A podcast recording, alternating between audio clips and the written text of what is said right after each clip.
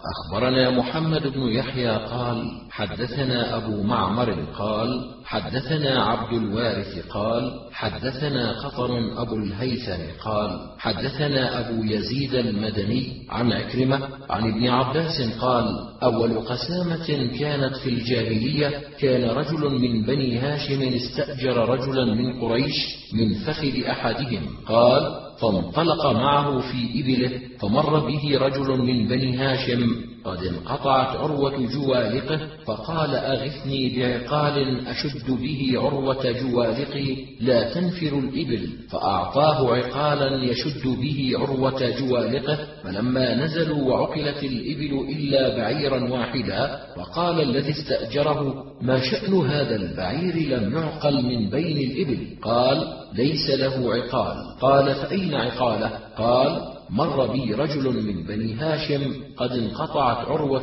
جوالقه فاستغاثني فقال أغثني بعقال أشد به عروة جوالقي لا تنفر الإبل فأعطيته عقالا فحذفه بعصا كان فيها أجله. فمر به رجل من أهل اليمن فقال أتشهد الموسم؟ قال ما أشهد وربما شهدت. قال هل أنت مبلغ عني رسالة مرة من الدهر؟ قال نعم. قال إذا شهدت الموسم فنادي يا آل قريش فإذا أجابوك فنادي يا آل هاشم فإذا أجابوك فسل عن أبي طالب فأخبره أن فلانا قتلني في عقال ومات المستأجر. فلما قدم الذي استأجره أتاه أبو طالب فقال ما فعل صاحبنا؟ قال مرض. فأحسنت القيام عليه ثم مات. فنزلت فدفنته فقال كان ذا أهل ذاك منك فمكث حينا ثم إن الرجل اليماني الذي كان أوصى إليه أن يبلغ عنه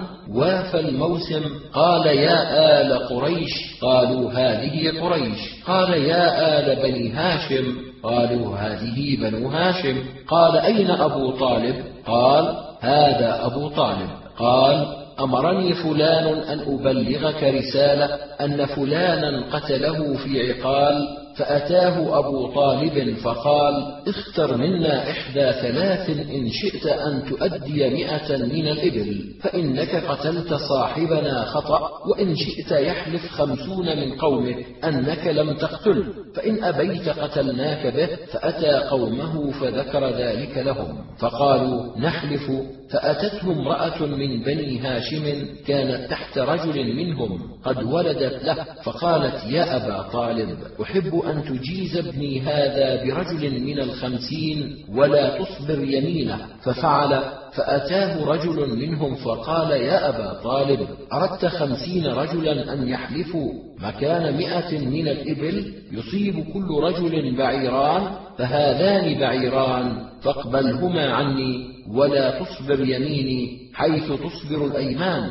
فقبلهما وجاء ثمانية وأربعون رجلا حلفوا. قال ابن عباس فوالذي نفسي بيده ما حال الحول ومن الثمانية والأربعين عين تطرف. أخبرنا أحمد بن عمرو بن السرح ويونس بن عبد الأعلى. قال أنبأنا بن وهب. قال أخبرني يونس عن ابن شهاب. قال أحمد بن عمرو. قال أخبرني أبو سلمة وسليمان بن يسار عن رجل من أصحاب رسول الله صلى الله عليه وسلم من الأنصار أن رسول الله صلى الله عليه وسلم أقر القسامة على ما كانت عليه في الجاهلية. أخبرنا محمد بن هاشم قال حدثنا الوليد قال حدثنا الأوزاعي عن ابن شهاب عن أبي سلمة وسليمان بن يسار عن أناس من أصحاب رسول الله صلى الله عليه وسلم أن القسامة كانت في الجاهلية فأقرها رسول الله صلى الله عليه وسلم على من كانت عليه في الجاهلية وقضى بها بين أناس من الأنصار في قتيل ادعوه على يهود خيبر خالفهما معمر. أخبرنا محمد بن رافع قال حدثنا عبد الرزاق قال أنبأنا معمر عن الزهري عن ابن المسيب قال كانت القسامة في الجاهلية ثم أقرها رسول الله صلى الله عليه وسلم في الأنصاري الذي وجد مقتولا في جب اليهود فقالت الأنصار اليهود قتلوا صاحبنا. أخبرنا أحمد بن عمرو بن السرح قال أنبأنا ابن وهب قال أخبرني مالك بن أنس عن أبي ليلى بن عبد الله بن عبد الرحمن الأنصاري أن سهل بن أبي حثمة أخبره أن عبد الله بن سهل ومحيصة خرجا إلى خيبر من جهد أصابهما فأتي محيصة فأخبر أن عبد الله بن سهل قد قتل وطرح في فقير أو عين فأتى يهود فقال أنتم والله قتلتموه وقالوا والله ما قتلناه ثم أقبل حتى قدم على رسول الله صلى الله عليه وسلم فذكر ذلك له ثم أقبل هو وحويصة وهو أخوه أكبر منه وعبد الرحمن بن سهل فذهب محيصة ليتكلم وهو الذي كان بخيبر. فقال رسول الله صلى الله عليه وسلم كبر كبر. وتكلم حويصة ثم تكلم محيصة فقال رسول الله صلى الله عليه وسلم إما أن يدوا صاحبكم وإما أن يؤذنوا بحرب. فكتب النبي صلى الله عليه وسلم في ذلك فكتبوا إنا والله ما قتلناه فقال رسول الله صلى الله عليه وسلم لحويصة ومحيصة وعبد الرحمن تحلفون وتستحقون دم صاحبكم. قالوا لا. قال فتحلف لكم يهود. قالوا ليسوا مسلمين. فوداه رسول الله صلى الله عليه وسلم من عنده فبعث إليهم بمئة ناقة حتى أدخلت عليهم الدار. قال سهل لقد ركضتني منها ناقة حمراء. أخبرنا محمد بن سلمة قال أنبأنا ابن القاسم قال حدثني مالك عن أبي ليلى بن عبد الله بن عبد الرحمن بن سهل عن سهل بن أبي حفمة أنه أخبره ورجال كبراء من قومه أن عبد الله بن سهل ومحيصة خرجا إلى خيبر من جهد أصابهم فأتى محيصة فأخبر أن عبد الله بن سهل قد قتل وطرح في فقير أو عين فأتى يهود وقال أنتم والله قتلتموه. قالوا والله ما قتلناه فأقبل حتى قدم على قومه فذكر لهم ثم أقبل هو وأخوه حويصة وهو أكبر منه وعبد الرحمن بن سهل فذهب محيصة ليتكلم وهو الذي كان بخيبر. فقال رسول الله صلى الله عليه وسلم لمحيصة كبر كبر يريد السن. فتكلم حويصة ثم تكلم محيصة فقال رسول الله صلى الله عليه وسلم إما أن يدوا صاحبكم وإما أن يؤذنوا بحرب فكتب إليهم رسول الله صلى الله عليه وسلم في ذلك فكتبوا إنا والله ما قتلناه. فقال رسول الله صلى الله عليه وسلم لحويصة ومحيصة وعبد الرحمن أتحلفون وتستحقون دم صاحبكم؟ قالوا لا. قال فتحلف لكم يهود؟ قالوا ليسوا بمسلمين. فوداه رسول الله صلى الله عليه وسلم من عنده فبعث إليهم بمئة ناقة حتى أدخلت عليهم الدار. قال سهل لقد ركضتني منها ناقة حمراء. أخبرنا قتيبة قال حدثنا الليث عن يحيى عن بشير بن يسار عن سهل بن أبي حثمة قال وحسبت قال وعن رافع بن خديج أنهما قالا فرجع عبد الله بن سهل بن زيد ومحيصة بن مسعود حتى إذا كانا بخيبر تفرقا في بعض ما هنالك ثم إذا بمحيصة يجد عبد الله بن سهل قتيلا فدفنه ثم أقبل إلى رسول الله صلى الله عليه وسلم هو وحويصة بن مسعود وعبد الرحمن بن سهل وكان أصغر القوم. فذهب عبد الرحمن يتكلم قبل صاحبيه وقال له رسول الله صلى الله عليه وسلم كبر الكبر في السن فصمت وتكلم صاحباه ثم تكلم معهما. فذكروا لرسول الله صلى الله عليه وسلم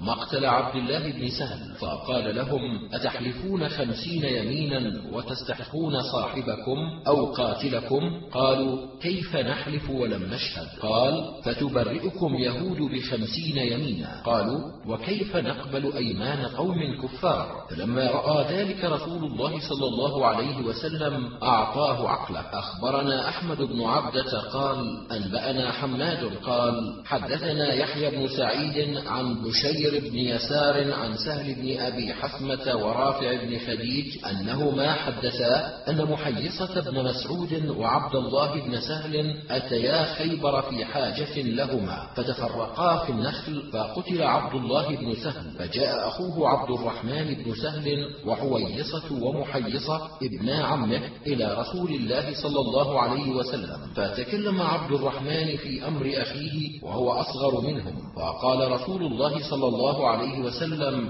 الكبر ليبدأ الأكبر فتكلما في أمر صاحبهما فقال رسول الله صلى الله عليه وسلم وذكر كلمة معناها يقسم خمسون منكم فقالوا يا رسول الله أمر لم نشهده كيف نحلف؟ قال فتبرئكم يهود بأيمان خمسين منهم. قالوا يا رسول الله قوم كفار فوداه رسول الله صلى الله عليه وسلم من قبله قال سهل فدخلت مربدا لهم فركضتني ناقة من تلك الإبل. أخبرنا عمرو بن علي قال حدثنا بشر وهو ابن المفضل. قال حدثنا يحيى بن سعيد عن بشير بن يسار عن سهل بن أبي حثمة أن عبد الله بن سهل ومحيصة بن مسعود بن زيد أنهما أتيا خيبر وهو يومئذ صلح فتفرقا لحوائجهما. فأتى محيصة على عبد الله بن سهل وهو يتشحط في دمه قتيلا فدفنه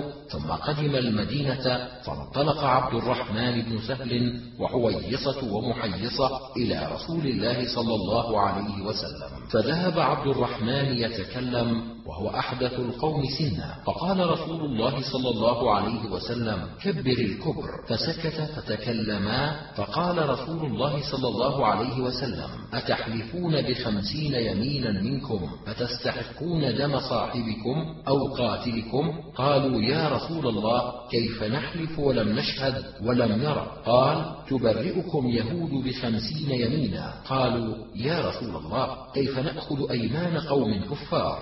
فعقله رسول الله صلى الله عليه وسلم من عنده. أخبرنا إسماعيل بن مسعود قال حدثنا بشر بن المفضل قال حدثنا يحيى بن سعيد عن بشير بن يسار عن سهل بن أبي حثمة قال انطلق عبد الله بن سهل ومحيصة بن مسعود بن زيد إلى خيبر وهي يومئذ صلح فتفرقا في حوائجهما. فأتى محيصة على عبد الله بن سهل وهو يتشحط في دمه قتيلا ثم قدم المدينة فطلق عبد الرحمن بن سهل وحويصة ومحيصة ابنا مسعود إلى رسول الله صلى الله عليه وسلم. فذهب عبد الرحمن يتكلم فقال له رسول الله صلى الله عليه وسلم كبر الكبرى وهو أحدث القوم. فسكت فتكلما فقال رسول الله صلى الله عليه وسلم أتحلفون بخمسين يمينا منكم وتستحقون قاتلكم أو صاحبكم؟ فقالوا يا رسول الله كيف نحلف ولم نشهد ولم نرى.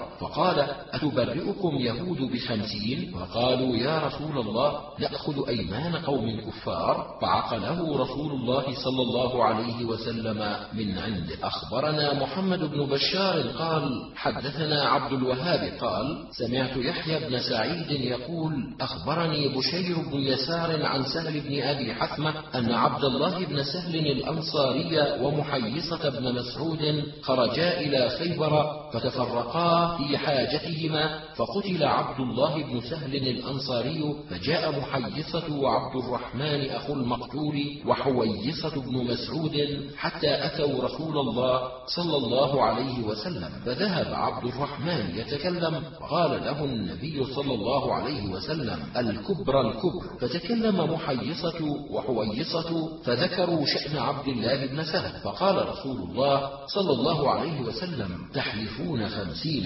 يمينا فتستحقون قاتلكم. قالوا كيف نحلف ولم نشهد ولم نحضر؟ فقال رسول الله صلى الله عليه وسلم فتبرئكم يهود بخمسين يمينا. قالوا يا رسول الله كيف نقبل أيمان قوم كفار؟ قال فوداه رسول الله صلى الله عليه وسلم. قال بشير قال لي سهل بن أبي حثمة لقد ركضتني فريضة من تلك الفرائض في مربد لنا. أخبرنا محمد بن منصور قال حدثنا سفيان قال حدثنا يحيى بن سعيد عن بشير بن يسار عن سهل بن أبي حثمة قال وجد عبد الله بن سهل قتيلا فجاء أخوه وعماه حويصة ومحيصة وهما عما عبد الله بن سهل إلى رسول الله صلى الله عليه وسلم. فذهب عبد الرحمن يتكلم فقال رسول الله صلى الله عليه وسلم الكبر الكبر. قالا يا رسول الله إنا وجدنا عبد الله بن سهل قتيلا في قريب من بعض قلوب خيبر. فقال النبي صلى الله عليه وسلم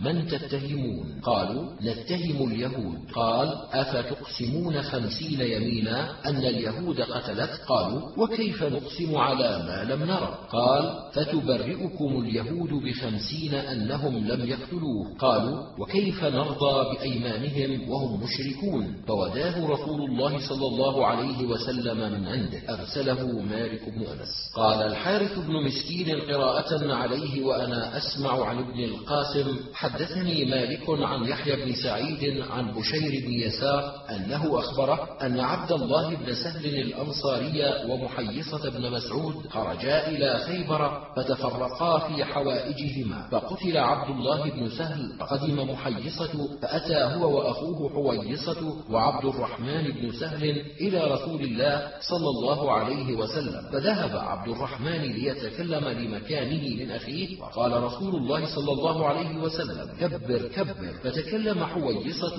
ومحيصة فذكروا شأن عبد الله بن سهل فقال لهم رسول الله صلى الله عليه وسلم أتحلفون خمسين يمينا وتستحقون دم صاحبكم أو قاتلكم؟ قال مالك قال يحيى فزعم بشير أن رسول الله صلى الله عليه وسلم وداه من عنده خالفهم سعيد بن عبيد الطائي أخبرنا أحمد بن سليمان قال حدثنا أبو نعيم قال حدثنا سعيد بن عبيد الطائي عن بشير بن يسار زعم أن رجلا من الأنصار يقال له سهل بن أبي حثمة أخبره أن نفرا من قومه انطلقوا إلى خيبر فتفرقوا فيها وجدوا أحدهم قتيلا. فقالوا للذين وجدوه عندهم قتلتم صاحبنا؟ قالوا ما قتلناه ولا علمنا قاتلا. فانطلقوا إلى نبي الله صلى الله عليه وسلم فقالوا يا نبي الله انطلقنا إلى خيبر فوجدنا أحدنا قتيلا. فقال رسول الله صلى الله عليه وسلم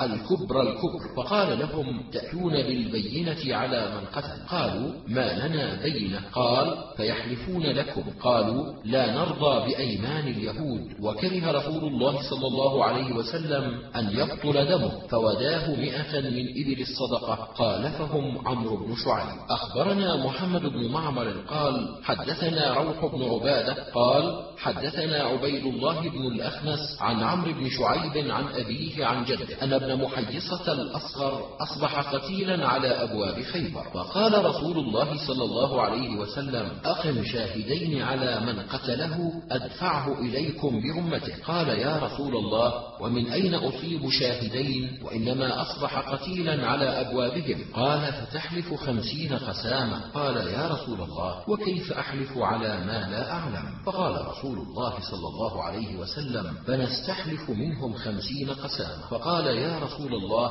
كيف نستحلفهم وهم اليهود؟ فقسم رسول الله صلى الله عليه وسلم ديته عليهم وأعانهم بنصفها. أخبرنا بشر بن خالد قال حدثنا محمد بن جعفر عن شعبة عن سليمان قال سمعت عبد الله بن مرة عن مسروق عن عبد الله عن رسول الله صلى الله عليه وسلم قال لا يحل دم امرئ مسلم إلا بإحدى ثلاث النفس بالنفس والثيب الزاني والتارك دينه المفارق. أخبرنا محمد بن العلاء وأحمد بن حرب واللفظ لأحمد. قالا حدثنا أبو معاوية عن الأعمش عن أبي صالح عن أبي هريرة قال قتل رجل على عهد رسول الله صلى الله عليه وسلم فرفع القاتل إلى النبي صلى الله عليه وسلم فدفعه إلى ولي المقتول فقال القاتل يا رسول الله لا والله ما أردت قتله. فقال رسول الله صلى الله عليه وسلم لولي المقتول أما إنه إن كان صادقا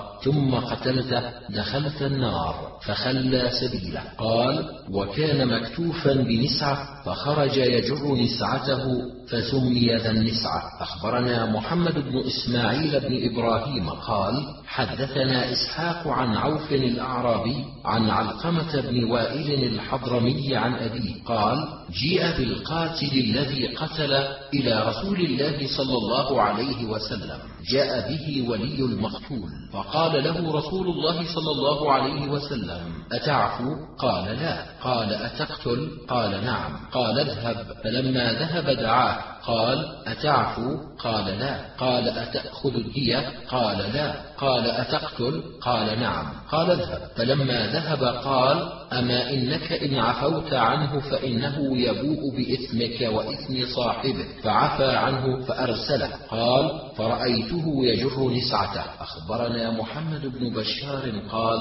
حدثنا يحيى بن سعيد عن عوف بن أبي جميلة قال حدثني حمزة أبو عمرو العائلي قال حدثنا علقمة بن وائل عن وائل قال شهدت رسول الله صلى الله عليه وسلم حين جيء بالقاتل يقوده ولي المقتول في نسعة. فقال رسول الله صلى الله عليه وسلم لولي المقتول أتعفو؟ قال لا. قال أتأخذ الدية؟ قال لا. قال فتقتله؟ قال نعم. قال اذهب به. فلما ذهب به فولى من عنده دعاه فقال له أتعفو؟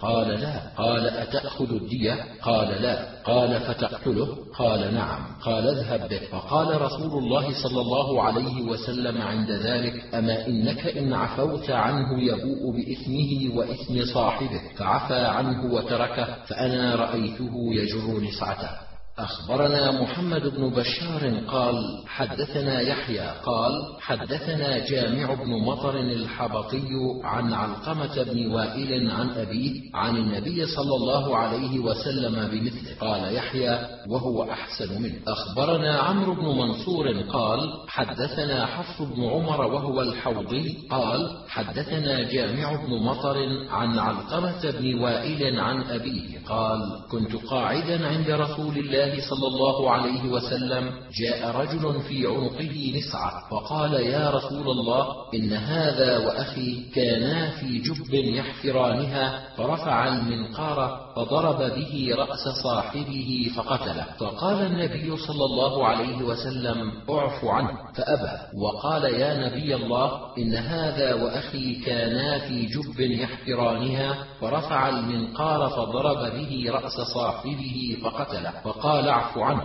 فأبى. ثم قام فقال يا رسول الله إن هذا وأخي كانا في جب يحترانها فرفع المنقار. وراه قال فضرب رأس صاحبه فقتله. فقال اعف عنه فأبى. قال اذهب إن قتلته كنت مثله. فخرج به حتى جاوز فناديناه أما تسمع ما يقول رسول الله صلى الله عليه وسلم؟ فرجع فقال إن قتلته كنت مثله؟ قال نعم أعفو. فخرج يجر نسعته حتى خفي علينا. أخبرنا إسماعيل بن مسعود قال حدثنا خالد قال حدثنا حاتم عن سماك ذكر أن علقمة بن وائل أخبره عن أبيه أنه كان قاعدا عند رسول الله صلى الله عليه وسلم إذ جاء رجل يقود آخر بنسعة فقال يا رسول الله قتل هذا أخي. فقال له رسول الله صلى الله عليه وسلم أقتلته؟ قال يا رسول الله لو لم يعترف أقمت عليه البينة. قال نعم قتلته. قال كيف قتلته؟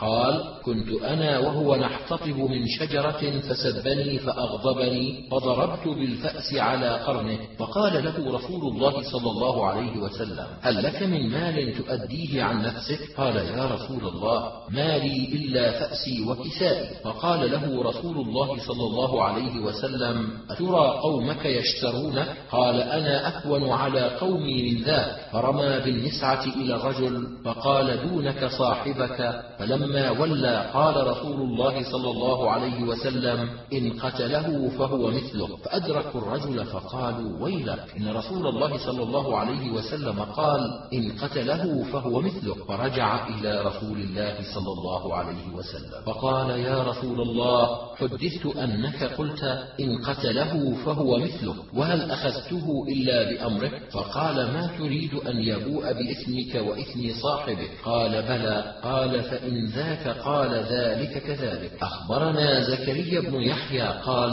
حدثنا عبيد الله بن معاذ قال حدثنا أبي قال حدثنا أبو يونس عن سماك بن حرب أن علقمة بن وائل حدثه أن أباه حدثه قال إني لقاعد مع رسول الله صلى الله عليه وسلم إذ جاء رجل يقود آخر نحوه. أخبرنا محمد بن معمر قال حدثنا يحيى بن حماد عن أبي عوانة عن إسماعيل بن سالم عن علقمة بن وائل أن أباه حدثهم أن النبي صلى الله عليه وسلم أتي برجل قد قتل رجلا فدفعه إلى ولي المقتول يقتله. وقال النبي صلى الله عليه وسلم لجلسائه القاتل والمقتول في النار. قال فاتبعه رجل فأخبره. فلما أخبره تركه. قال فلقد رأيته يجر نسعته حين تركه يذهب فذكرت ذلك لحبيب فقال حدثني سعيد بن أشوع قال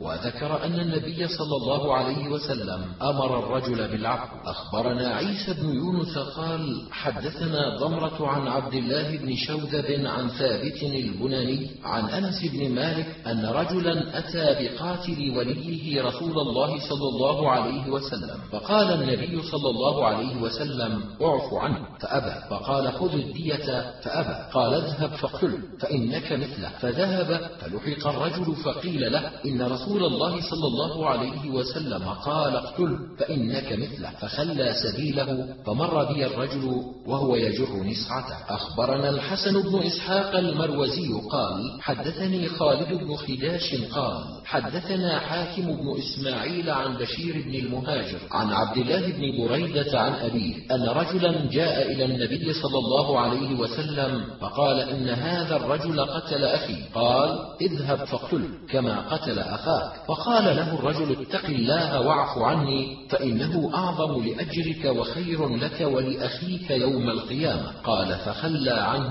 قال فأخبر النبي صلى الله عليه وسلم فسأله فأخبره بما قال له قال فأعنفه أما إنه كان خيرا مما هو صانع بك يوم القيامة. يقول يا ربي سل هذا فيما قتلني. أخبرنا القاسم بن زكريا بن دينار قال حدثنا عبيد الله بن موسى قال أنبأنا علي وهو ابن صالح عن سماك عن أكرمة عن ابن عباس قال كان قريضة والنضير وكان النضير أشرف من قريضة وكان إذا قتل رجل من قريضة رجل من النضير قتل به وإذا قتل رجل من النضير رجلا من قريضة أدى مئة وسق من تمر فلما بعث النبي صلى الله عليه وسلم قتل رجل من النضير رجلا من قريضة فقالوا ادفعوه إلينا نقتله فقالوا بيننا وبينكم النبي صلى الله عليه وسلم. فأتوه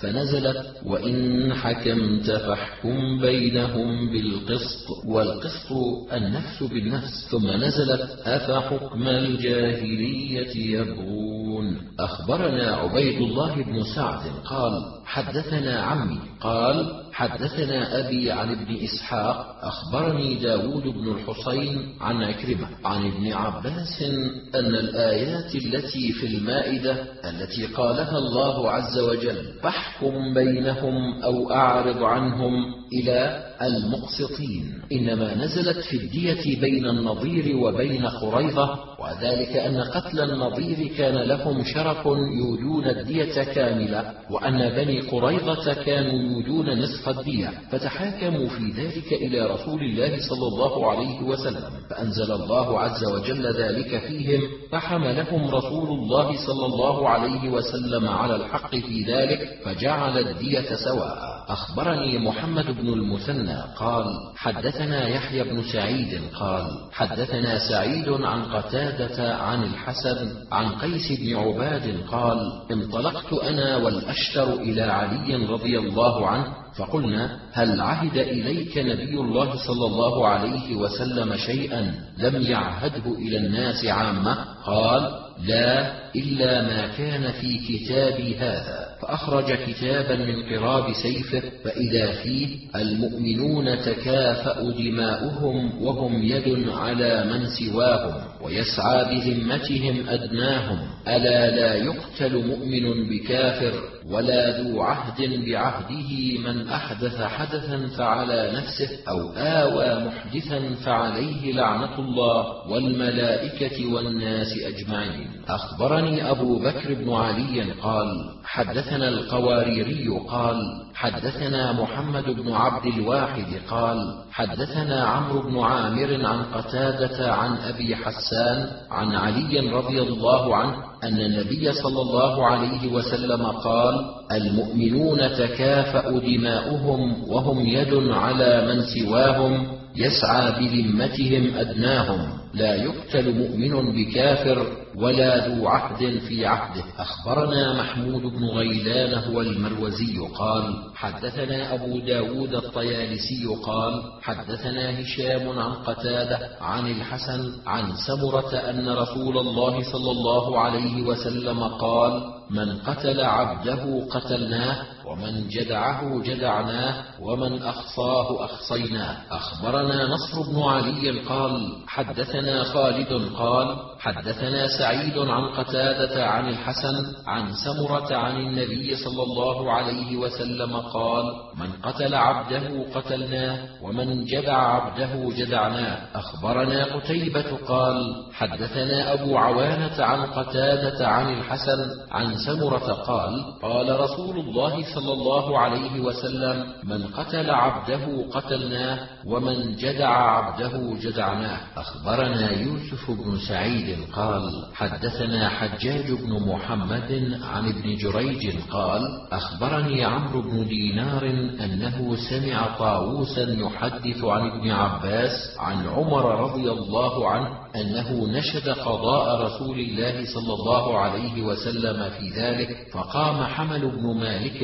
فقال كنت بين حجرتي امرأتين فضربت إحداهما الأخرى بمسطح فقتلتها وجنينها. فقضى النبي صلى الله عليه وسلم في جنينها بغرة وأن تقتل بها. أخبرنا إسحاق بن إبراهيم قال أنبأنا عبدة عن سعيد عن قتادة عن أنس رضي الله عنه أن يهوديا قتل جارية على أوضاح لها فأقاده رسول الله صلى الله عليه وسلم بها. أخبرنا محمد بن عبد الله بن المبارك قال حدثنا أبو هشام قال حدثنا أبان بن يزيد عن قتادة عن أنس بن مالك أن يهوديا أخذ أوضاحا من جارية ثم رضخ رأسها بين حجرين فأدركوها وبها رمق فجعلوا يتبعون بها الناس هو هذا هو هذا؟ قالت نعم. فأمر رسول الله صلى الله عليه وسلم فرضخ رأسه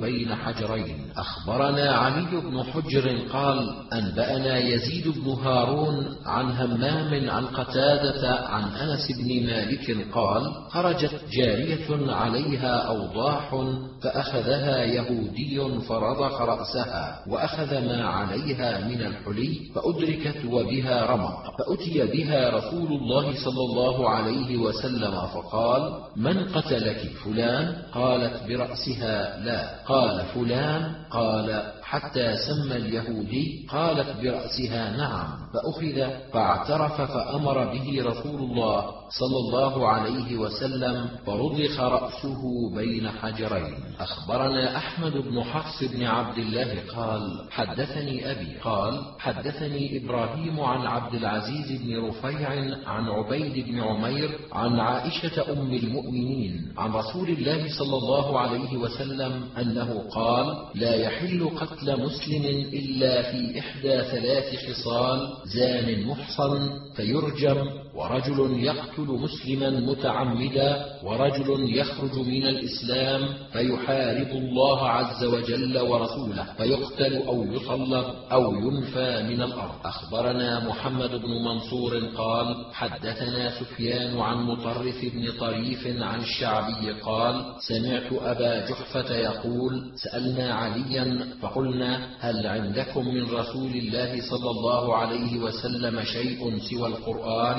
فقال لا والذي فلق الحبة وبرأ النسمة إلا أن يعطي الله عز وجل عبدا فهما في كتابه أو ما في هذه الصحيفة. قلت وما في الصحيفة؟ قال فيها العقل وفكاك الأسير وأن لا يقتل مسلم بكافر. أخبرنا محمد بن بشار قال حدثنا الحجاج بن منهال قال حدثنا همام عن قتادة عن أبي حسان قال قال علي ما عهد إلي رسول الله صلى الله عليه وسلم بشيء دون الناس إلا في صحيفة في قراب سيفي فلم يزالوا به حتى أخرج الصحيفة فإذا فيها المؤمنون تكافأ دماؤهم يسعى بذمتهم أدناهم وهم يد على من سواهم لا يقتل مؤمن بكافر ولا ذو عهد في عهده. أخبرنا أحمد بن حفص قال حدثني أبي قال حدثني إبراهيم بن طهمان عن الحجاج بن الحجاج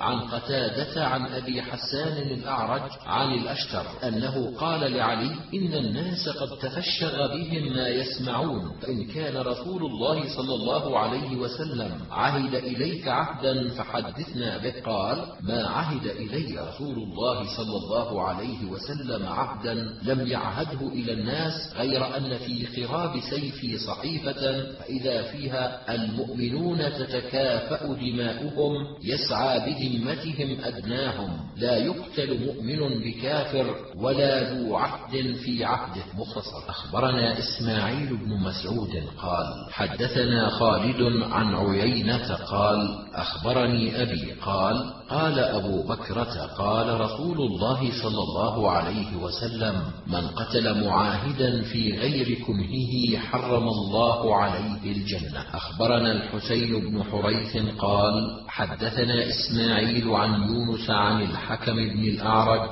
عن الأشعث بن ثرملة عن أبي بكرة قال قال رسول الله صلى الله عليه وسلم من قتل نفسا معاهدة بغير حلها حرم الله عليه الجنة أن يشم ريحها. أخبرنا محمود بن غيلان قال حدثنا النضر قال حدثنا شعبة عن منصور عن هلال بن يساف عن القاسم بن مخيمرة عن رجل من أصحاب النبي صلى الله عليه وسلم أن رسول الله صلى الله عليه وسلم قال من قتل رجلا من أهل الذمة لم يجد ريح الجنة وإن ريحها ليوجد من مسيرة سبعين عاما. أخبرنا عبد الرحمن بن إبراهيم دحيم قال حدثنا هارون قال حدثنا الحسن وهو ابن عمرو عن مجاهد عن جنادة بن أبي أمية عن عبد الله بن عمرو قال قال رسول الله صلى الله عليه وسلم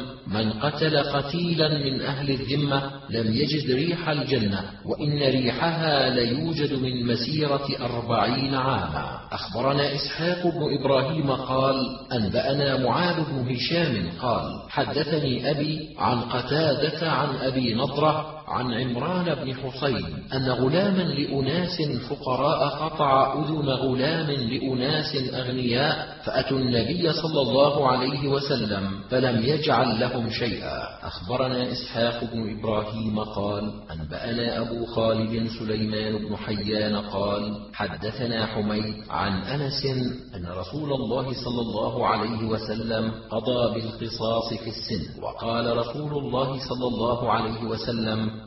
كتاب الله القصاص. أخبرنا محمد بن المثنى قال حدثنا محمد بن جعفر قال حدثنا شعبة عن قتادة عن الحسن عن سمرة أن رسول الله صلى الله عليه وسلم قال من قتل عبده قتلناه ومن جدع عبده جدعناه. أخبرنا محمد بن المثنى ومحمد بن بشار قالا حدثنا معاذ بن هشام قال حدثني أبي عن قتادة قتادة عن الحسن عن سمرة أن نبي الله صلى الله عليه وسلم قال من خصى عبده خصيناه ومن جدع عبده جدعناه. واللفظ لابن بشار. أخبرنا أحمد بن سليمان قال حدثنا عفان قال حدثنا حماد بن سلمة قال حدثنا ثابت عن أنس أن أخت الربيع أم حارثة جرحت إنسانا فاختصموا إلى النبي صلى الله عليه وسلم. فقال رسول الله صلى الله عليه وسلم القصاص القصاص. فقالت أم الربيع يا رسول الله أيقتص من فلانة؟ لا والله لا يقتص منها أبدا. فقال رسول الله صلى الله عليه وسلم سبحان الله يا أم الربيع القصاص كتاب الله. قالت لا والله لا يقتص منها أبدا. فما زالت حتى قبلوا الدية قال إن من عباد الله من لو أقسم على الله لأبره. أخبرنا حميد بن مسعدة وإسماعيل بن مسعود قال حدثنا بشر عن حميد قال ذكر أنس أن عمته كسرت ثنية جارية فقضى نبي الله صلى الله عليه وسلم بالقصاص فقال أخوها أنس بن النضر أتكسر ثنية فلانة؟ لا والذي بعثك بالحق لا تكسر ثنية فلانة. قال وكانوا قبل ذلك سألوا أهلها العفو والأرش فلما حلف أخوها وهو عم أنس وهو الشهيد يوم أحد رضي القوم بالعفو فقال النبي صلى الله عليه وسلم إن من عباد الله من لو أقسم على الله لأبره. أخبرنا محمد بن المثنى قال حدثنا خالد قال حدثنا حميد عن أنس قال كسرت الربيع ثنية جارية فطلبوا إليهم العفو فأبوا فعرض عليهم الأرش فأبوا فأتوا النبي صلى الله عليه وسلم فأمر بالقصاص. قال أنس بن النضر يا رسول الله تكسر ثنية الربيع؟ لا والذي بعثك بالحق لا تكسر. قال يا أنس كتاب الله القصاص فرضي القوم وعفوا. فقال إن من عباد الله من لو أقسم على الله لأبره. أخبرنا أحمد بن عثمان أبو الجوزاء قال أنبأنا قريش بن أنس عن ابن عون عن ابن سيرين عن عمران بن حسين أن رجلا عض يد رجل فانتزع يده فسقطت ثنيته أو قال ثناياه فاستعدى عليه رسول الله صلى الله عليه وسلم. فقال له رسول الله صلى الله عليه وسلم ما تأمرني تأمرني أن آمره أن يدع يده في فيك تقضمها كما يقضم الفحل إن شئت فادفع إليه يدك حتى يقضمها ثم انتزعها إن شئت. أخبرنا عمرو بن علي قال حدثنا يزيد قال حدثنا سعيد بن أبي عروبة عن قتادة عن زرارة بن أوفى عن عمران بن حصين أن رجلا عض آخر على ذراعه فاجتذبها فانتزعت ثنيته فرفع ذلك إلى النبي صلى الله عليه وسلم فأبطلها وقال أردت أن تقضم لحم أخيك كما يقضم الفحل أخبرنا محمد بن المثنى قال حدثنا محمد بن جعفر قال حدثنا شعبة عن قتادة عن زرارة عن عمران بن حصين قال قاتل يعلى رجلا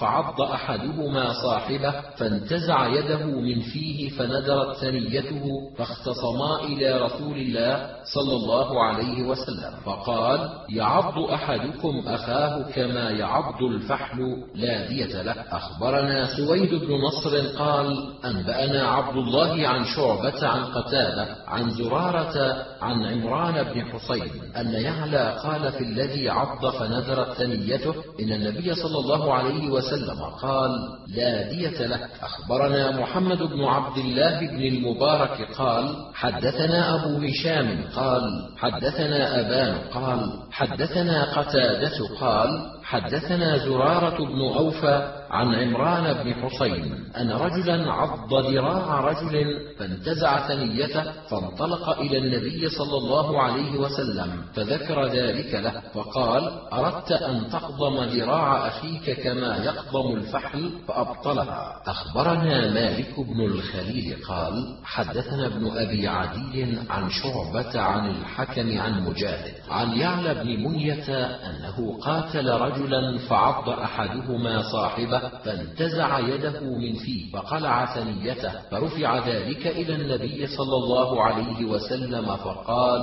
يعض أحدكم أخاه كما يعض البكر؟ فأبطلها. أخبرنا محمد بن عبد الله بن عبيد بن عقيل قال حدثنا جدي قال حدثنا شعبة عن الحكم عن مجاهد عن يعلى بن منية أن رجلا من بني تميم قاتل رجلا فعض يده فانتزعها فألقى ثنيته فاختصما إلى رسول الله صلى الله عليه وسلم فقال يعض أحدكم أخاه كما يعض البكر فأطلها أي أبطلها. أخبرنا عمران بن بكار قال أنبأنا أحمد بن خالد قال حدثنا محمد عن عطاء بن أبي رباح عن صفوان بن عبد الله عن عميه سلمة ويعلى ابن أمية قالا خرجنا مع رسول الله صلى الله عليه وسلم في غزوة تبوك ومعنا صاحب لنا فقاتل رجلا من المسلمين فعض الرجل ذراعه فجذبها من فيه فطرح ثنيته فأتى الرجل النبي صلى الله عليه وسلم يلتمس العقل فقال ينطلق أحدكم إلى أخيه فيعضه كعضيض الفحل ثم يأتي يطلب العقل لا عقل لها فأبطلها رسول الله صلى الله عليه وسلم. أخبرنا عبد الجبار بن العلاء بن عبد الجبار عن سفيان عن عمرو عن عطاء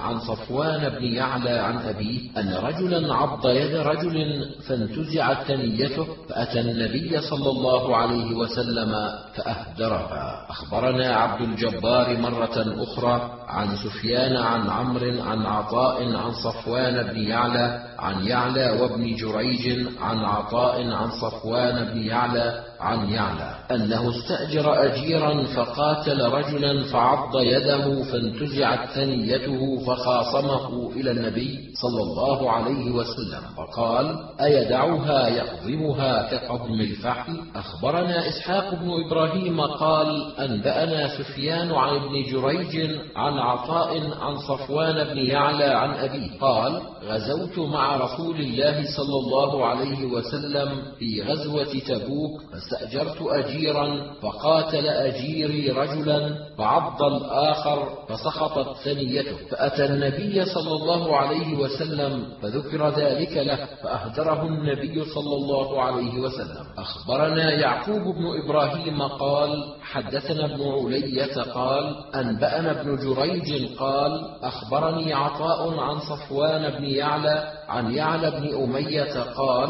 غزوت مع رسول الله صلى الله عليه وسلم جيش العسرة وكان أوثق عمل لي في نفسي وكان لي أجير فقاتل إنسانا فعض أحدهما إصبع صاحبه فانتزع إصبعه فأندر ثنيته فسقطت فانطلق إلى النبي صلى الله عليه وسلم فأهدر ثنيته وقال أفيدع يده في فيك تخضمها؟ أخبرنا سويد بن نصر في حديث عبد الله بن المبارك عن شعبة عن قتادة عن عطاء عن ابن يعلى عن أبيه بمثل الذي عض فندرت ثنيته أن النبي صلى الله عليه وسلم قال لا دية لك. أخبرنا إسحاق بن إبراهيم قال أنبأنا معاذ بن هشام قال حدثني أبي عن قتادة عن بديل بن ميسرة عن عطاء عن صفوان بن يعلى بن منية أن أجيرا ليعلى بن منية عض آخر ذراعه فانتزعها من فيه. فرفع ذلك إلى النبي صلى الله عليه وسلم وقد سقطت ثنيته فأبطلها رسول الله صلى الله عليه وسلم وقال أيدعها في فيك تقضمها كقضم الفحل أخبرني أبو بكر بن إسحاق قال حدثنا أبو الجواب قال حدثنا عمار عن محمد بن عبد الرحمن بن أبي ليلى عن الحكم عن محمد بن مسلم عن صفوان بن يعلى أن أباه غزا مع رسول الله صلى الله عليه وسلم في غزوة تبوك فاستأجر أجيرا فقاتل رجلا فعض الرجل ذراعه فلما أوجعه نترها فأنذر ثنيته فرفع ذلك إلى رسول الله صلى الله عليه وسلم فقال يعمد أحدكم فيعض أخاه كما يعض الفحل فأبطل ثنيته. أخبرنا وهب بن بيان قال حدثنا ابن وهب قال أخبرني عمرو بن الحارث عن بكير بن عبد الله عن عبيدة بن مسافع عن أبي سعيد الخدري قال بين رسول الله صلى الله عليه وسلم يقسم شيئا أقبل رجل فأكب عليه فطعنه رسول الله صلى الله عليه وسلم بعرجون كان معه. فخرج الرجل فقال رسول الله صلى الله عليه وسلم تعال فاستقم قال بل قد عفوت يا رسول الله. أخبرنا أحمد بن سعيد الرباطي قال حدثنا وهب بن جرير أنبأنا أبي. قال سمعت يحيى يحدث عن بكير بن عبد الله عن عبيدة بن مسافع عن أبي سعيد الخدري قال بين رسول الله صلى الله عليه وسلم يقسم شيئا إذ أكب عليه رجل فطعنه رسول الله صلى الله عليه وسلم بعرجون كان معه فصاح الرجل فقال له رسول الله صلى الله عليه وسلم تعال فاستقل قال بل عفوت يا رسول الله. أخبرنا أحمد بن سليمان قال أنبأنا عبيد الله عن إسرائيل عن عبد الأعلى أنه سمع سعيد بن جبير يقول أخبرني ابن عباس أن رجلا وقع في أب كان له في الجاهلية فلطمه العباس فجاء قومه فقالوا ليلطمنه كما لطمه فلبسوا السلاح فبلغ ذلك النبي صلى الله عليه وسلم وصعد المنبر فقال أيها الناس أي أهل الأرض تعلمون أكرم على الله عز وجل؟ فقالوا أنت فقال إن العباس مني وأنا منه. لا تسبوا موتانا فتؤذوا أحياءنا. فجاء القوم فقالوا يا رسول الله نعوذ بالله من غضبك استغفر لنا. أخبرني محمد بن علي بن ميمون قال حدثني القعنبي قال حدثني محمد بن هلال عن أبي عن أبي هريرة قال كنا نقعد مع رسول الله صلى الله عليه وسلم في المسجد فإذا قام قمنا فقام يوما وقمنا معه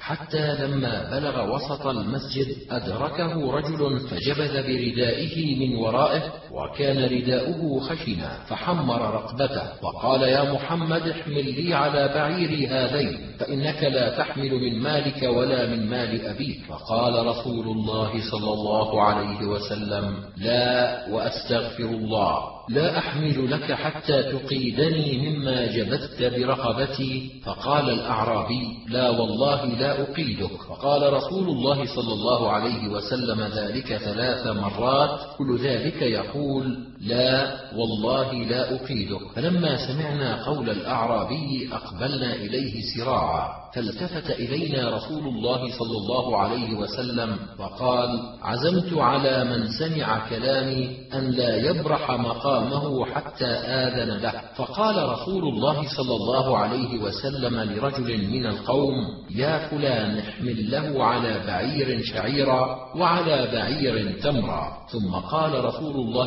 صلى الله عليه وسلم انصرفوا أخبرنا مؤمل بن هشام قال حدثنا إسماعيل بن إبراهيم قال حدثنا أبو مسعود سعيد بن إياس الجريري عن أبي نضرة عن أبي فراس أن عمر قال رأيت رسول الله صلى الله عليه وسلم يقص من نفسه. أخبرنا محمد بن رافع قال حدثنا عبد الرزاق عن معمر عن الزهري عن عروة عن عائشة أن النبي صلى الله عليه وسلم بعث أبا جهم بن حذيفة مصدقا فلاحه رجل في صدقته فضربه أبو جهم. فأتوا النبي صلى الله عليه وسلم فقال القود يا رسول الله فقال لكم كذا وكذا فلم يرضوا به. فقال لكم كذا وكذا فرضوا به. فقال رسول الله صلى الله عليه وسلم إني خاطب على الناس ومخبرهم برضاكم. قالوا نعم. فخطب النبي صلى الله عليه وسلم فقال إن هؤلاء أتوني يريدون القود فعرضت عليهم كذا وكذا فرضوا. قالوا لا. فهم المهاجرون بهم بهم فأمرهم رسول الله صلى الله عليه وسلم أن يكفوا فكفوا ثم دعاهم قال أرضيتم؟ قالوا نعم. قال فإني خاطب على الناس ومخبرهم برضاكم. قالوا نعم. فخطب الناس ثم قال أرضيتم؟ قالوا نعم. أخبرنا إسماعيل بن مسعود قال حدثنا خالد عن شعبة عن هشام بن زيد عن أنس أن يهوديا رأى على جارية أوضاحا فقتلها بحجر فأتي بها النبي صلى الله عليه وسلم وبها رمق. فقال أقتلك فلان؟ فأشار شعبة برأسه يحكيها أن لا. فقال أقتلك فلان؟ فأشار شعبة برأسه يحكيها أن لا قال أقتلك فلان؟ فأشار شعبة برأسه يحكيها أن نعم فدعا به رسول الله صلى الله عليه وسلم فقتله بين حجرين. أخبرنا محمد بن العلاء قال حدثنا أبو خالد عن إسماعيل عن قيس أن رسول الله صلى الله عليه وسلم بعث سرية إلى قوم من خثعم فاستعصموا بالسجود فقتلوا. فقضى رسول الله صلى الله عليه وسلم بنصف العقل وقال إني بريء من كل مسلم مع مشرك. ثم قال رسول الله صلى الله عليه وسلم ألا لا تراءى ناراهما. قال الحارث بن مسكين قراءة عليه وأنا أسمع عن سفيان عن عمرو عن مجاهد عن ابن عباس قال كان في بني إسرائيل القصاص ولم تكن فيهم الدية فأنزل الله عز وجل كتب عليكم القصاص في القتلى الحر بالحر والعبد بالعبد والأنثى بالأنثى. إلى قوله فمن عفي له من أخيه شيء فاتباع بالمعروف وأداء إليه بإحسان. فالعفو أن يقبل الدية في العمد واتباع بمعروف. يقول يتبع هذا بالمعروف. وأداء إليه بإحسان ويؤدي هذا بإحسان. ذلك تخفيف من ربكم ورحمة مما كتب على من كان قبلكم. إنما هو القصاص ليس الدية. أخبرنا محمد بن إسماعيل بن إبراهيم قال حدثنا علي بن حفص قال حدثنا ورقاء عن عمرو عن مجاهد قال كتب عليكم القصاص في القتلى الحر بالحر. قال كان بنو إسرائيل عليهم القصاص وليس عليهم الدية. فأنزل الله عز وجل عليهم الدية فجعلها على هذه الأمة تخفيفا على ما كان على بني إسرائيل. أخبرنا إسحاق بن إبراهيم قال أنبأنا عبد الرحمن قال حدثنا عبد الله وهو ابن بكر بن عبد الله المزني عن عطاء بن أبي ميمونة عن أنس قال أتي رسول الله صلى الله عليه وسلم بقصاص فأمر فيه بالعفو. أخبرنا محمد بن بشار قال حدثنا عبد الرحمن بن مهدي وبهز بن أسد وعفان بن مسلم قالوا حدثنا عبد الله بن بكر المزني قال حدثنا عطاء بن أبي ميمونة ولا أعلمه إلا عن أنس بن مالك قال ما أتي النبي صلى الله عليه وسلم في شيء فيه قصاص إلا أمر فيه بالعفو. أخبرنا محمد بن عبد الرحمن بن أشعث قال حدثنا أبو مسهر قال حدثنا إسماعيل وهو ابن عبد الله بن سماعة قال أنبأنا الأوزاعي قال أخبرني يحيى قال حدثني أبو سلمة قال حدثني أبو هريرة قال قال رسول الله صلى الله عليه وسلم من قتل له قتيل فهو بخير النظرين إما أن يقاد وإما أن يفدى. أخبرنا العباس بن الوليد بن مزيد قال أخبرني أبي. قال حدثنا الأوزاعي قال حدثني يحيى بن أبي كثير قال حدثني أبو سلمة قال حدثنا أبو هريرة قال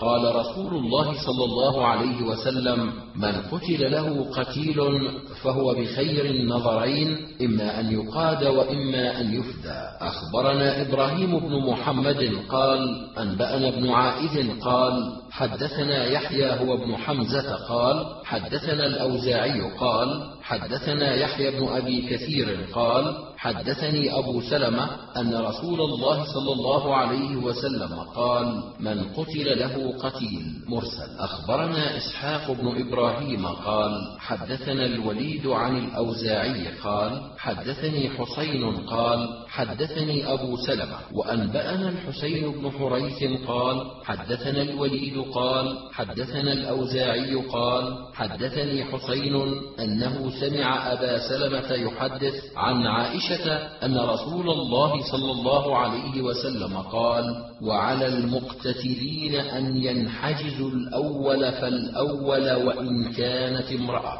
أخبرنا هلال بن العلاء بن هلال قال حدثنا سعيد بن سليمان قال أنبأنا سليمان بن كثير قال حدثنا عمرو بن دينار عن طاووس عن ابن عباس قال قال رسول الله صلى الله عليه وسلم من قتل في عميا أو رميا تكون بينهم بحجر أو صوت أو بعصا فعقله عقل خطأ ومن قتل عمدا فقود يده فمن حال بينه وبينه فعليه لعنة الله والملائكة والناس أجمعين لا يقبل منه صرف ولا عدل. أخبرنا محمد بن معمر قال حدثنا محمد بن كثير قال حدثنا سليمان بن كثير عن عمرو بن دينار عن طاووس عن ابن عباس يرفعه قال من قتل في عمية أو رمية بحجر أو صوت أو عصا فعقله عقل الخطأ ومن قتل عمدا فهو قود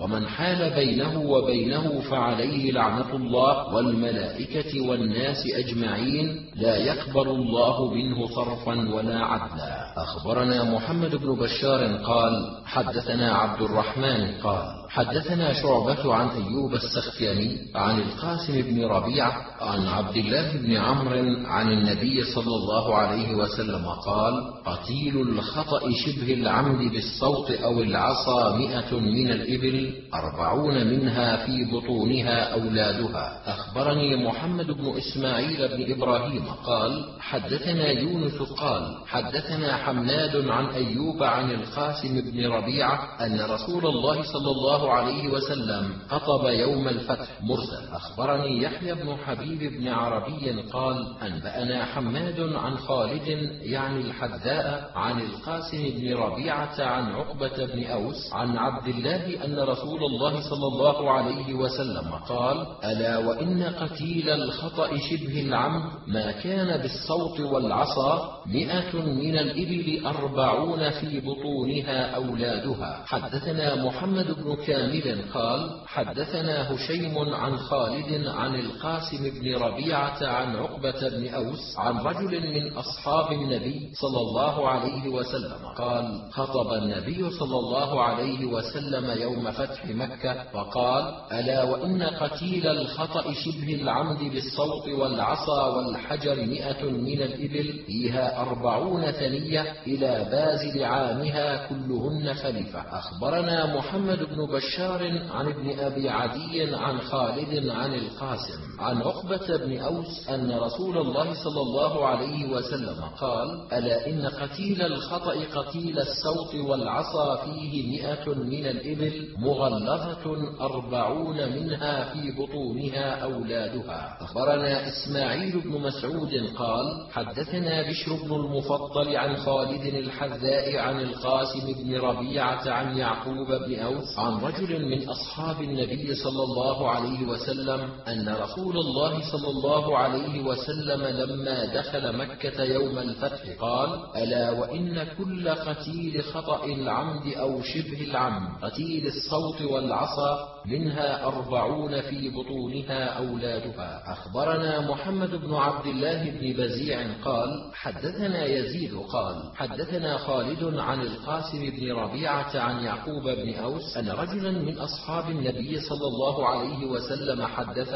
أن رسول الله صلى الله عليه وسلم لما قدم مكة عام الفتح قال ألا وإن قتيل الخطأ العمد قتيل الصوت والعصا منها أربعون في بطونها أولادها. أخبرنا محمد بن عبد الله بن بزيع قال أنبأنا يزيد عن خالد عن القاسم بن ربيعة عن يعقوب بن أوس أن رجلا من أصحاب النبي صلى الله عليه وسلم حدثه أن النبي صلى الله عليه وسلم دخل مكة عام الفتح قال ألا وإن قتيل الخطأ العمد قتيل الصوت والعصا منها أربعون في بطونها أولادها. أخبرنا محمد بن منصور قال حدثنا سفيان قال حدثنا ابن جدعان سمعه من القاسم بن ربيعة عن ابن عمر قال قام رسول الله صلى الله عليه وسلم يوم فتح مكة على درجة الكعبة فحمد الله وأثنى عليه وقال الحمد لله الذي صدق وعده ونصر عبده وهزم الأحزاب وحده. ألا إن قتيل العمد الخطأ بالصوت والعصا شبه العمد فيه مئة من الإبل مغلظة منها أربعون خلفة في بطونها أولادها. أخبرنا محمد بن المثنى قال حدثنا سهل بن يوسف قال حدثنا حميد عن القاسم بن ربيعة أن رسول الله صلى الله عليه وسلم قال الخطأ شبه العمد يعني بالعصا والصوت مئة من الإبل منها أربعون في بطونها أولادها. أخبرنا أحمد بن سليمان قال حدثنا يزيد بن هارون قال أنبأنا محمد بن راشد عن سليمان بن موسى عن عمرو بن شعيب عن أبيه عن جده أن رسول الله صلى الله عليه وسلم قال من قتل خطأ فديته مئة من الإبل ثلاثون بنت مخاط وثلاثون بنت لبون وثلاثون حقة وعشرة بني لبون ذكور قال وكان رسول الله صلى الله عليه وسلم يقومها على أهل القرى أربعمائة دينار أو عدلها من الورق ويقومها على أهل الإبل إذا غلت رفع في قيمتها وإذا هانت نقص من قيمتها على نحو الزمان ما كان فبلغ قيمتها على عهد رسول الله صلى الله عليه وسلم ما بين الأربعمائة دينار إلى ثمانمائة دينار أو عدلها من الورق. قال وقضى رسول الله صلى الله عليه وسلم أن من كان عقله في البقر على أهل البقر مئتي بقرة ومن كان عقله في الشاء ألفي شاء وقضى رسول الله صلى الله عليه وسلم أن العقل ميراث بين ورثة القتيل على فرائضهم فما فضل فللعصبة وقضى رسول الله صلى الله عليه وسلم أن يعقل على المرأة عصبتها من كانوا ولا يرثون منه شيئا إلا ما فضل عن ورثتها وإن قتلت فعقلها بين ورثتها وهم يقتلون قاتلها. أخبرنا علي بن سعيد بن مسروق قال حدثنا يحيى بن زكريا بن أبي زائدة عن حجاج عن زيد بن جبير عن خشف بن مالك قال سمعت ابن مسعود يقول قضى رسول الله صلى الله عليه وسلم دية الخطأ عشرين بنت مخاض وعشرين ابن مخاض ذكورا وعشرين بنت لبون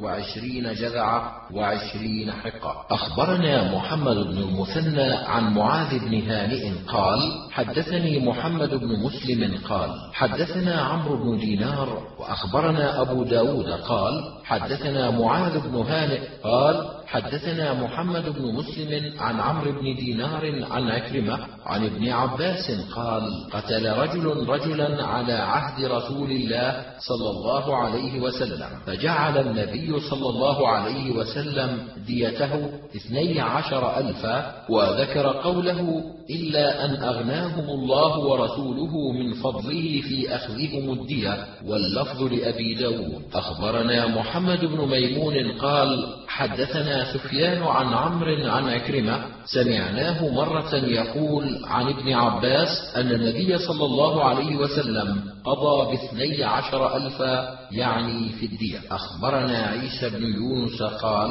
حدثنا ضمرة عن إسماعيل بن عياش عن ابن جريج عن عمرو بن شعيب عن أبيه عن جده قال قال رسول الله صلى الله عليه وسلم عقل المرأة مثل عقل الرجل حتى يبلغ الثلث من ديته روايتها أخبرنا عمرو بن زرارة قال أنبأنا إسماعيل قال حدثنا يونس بن عبيد عن جرير بن يزيد عن أبي زرعة قال قال أبو هريرة إقامة حد بأرض خير لأهلها من مطر أربعين ليلة. أخبرنا عمرو بن علي قال حدثنا عبد الرحمن عن محمد بن راشد عن سليمان بن موسى وذكر كلمة معناها عن عمرو بن شعيب عن أبيه عن جده قال قال رسول الله صلى الله عليه وسلم عقل أهل الذمة نصف عقل المسلمين وهم اليهود والنصارى. أخبرنا أحمد بن عمرو بن السرح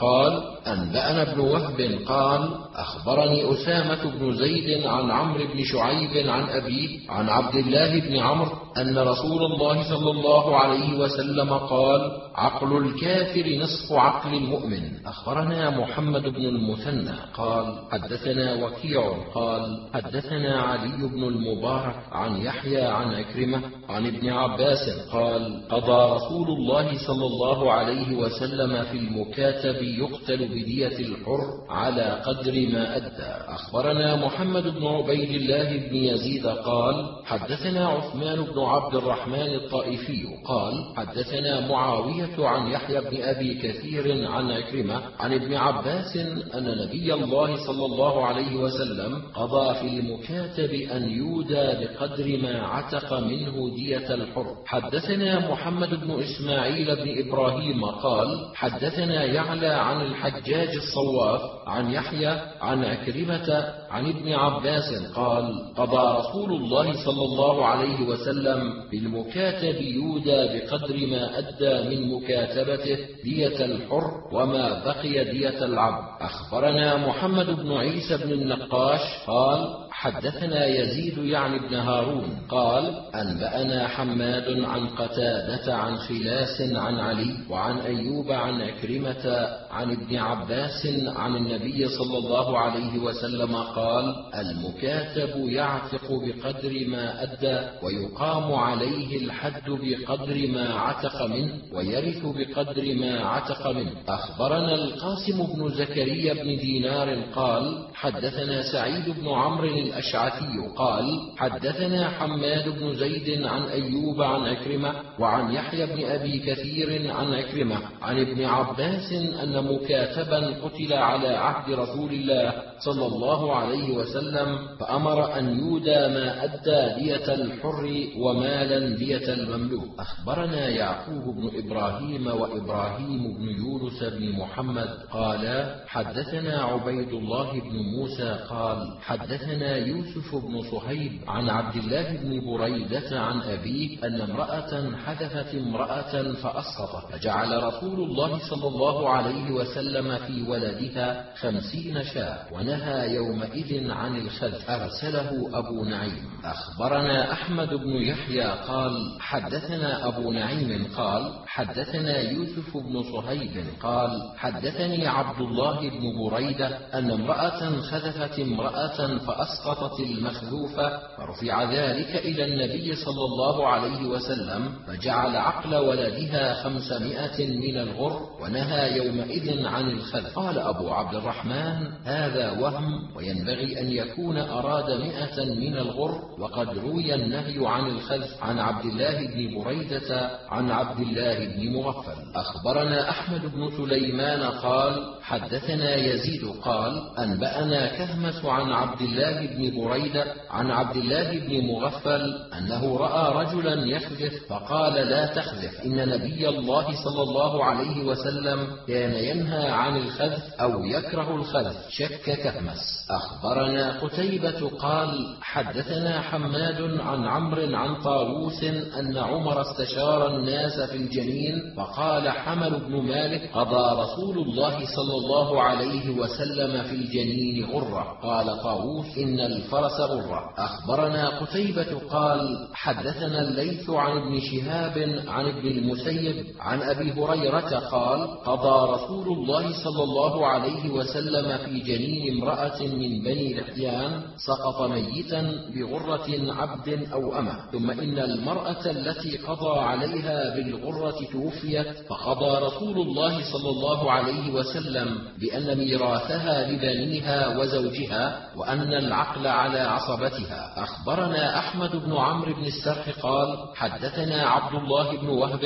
قال أخبرني يونس عن ابن شهاب عن أبي سلمة وسعيد بن المسيب عن أبي هريرة أنه قال اقتتلت امرأتان من هذيل فرمت إحداهما الأخرى بحجر وذكر كلمة معناها فقتلتها وما في بطنها. فاختصموا إلى رسول الله صلى الله عليه وسلم فقضى رسول الله صلى الله عليه وسلم أن دية جنينها غرة عبد أو وليدة وقضى بدية المرأة على عاقلتها وورثها ولدها ومن معهم. فقال حمد بن مالك بن النابغة الهذلي يا رسول الله كيف أغرم من لا شرب ولا أكل ولا نطق ولا استهل فمثل ذلك يطل؟ فقال رسول الله صلى الله عليه وسلم إنما هذا من أخوان الكهان من أجل سجعه الذي سجع. أخبرنا أحمد بن عمرو بن السرح قال حدثنا ابن وهب قال أخبرني مالك عن ابن شهاب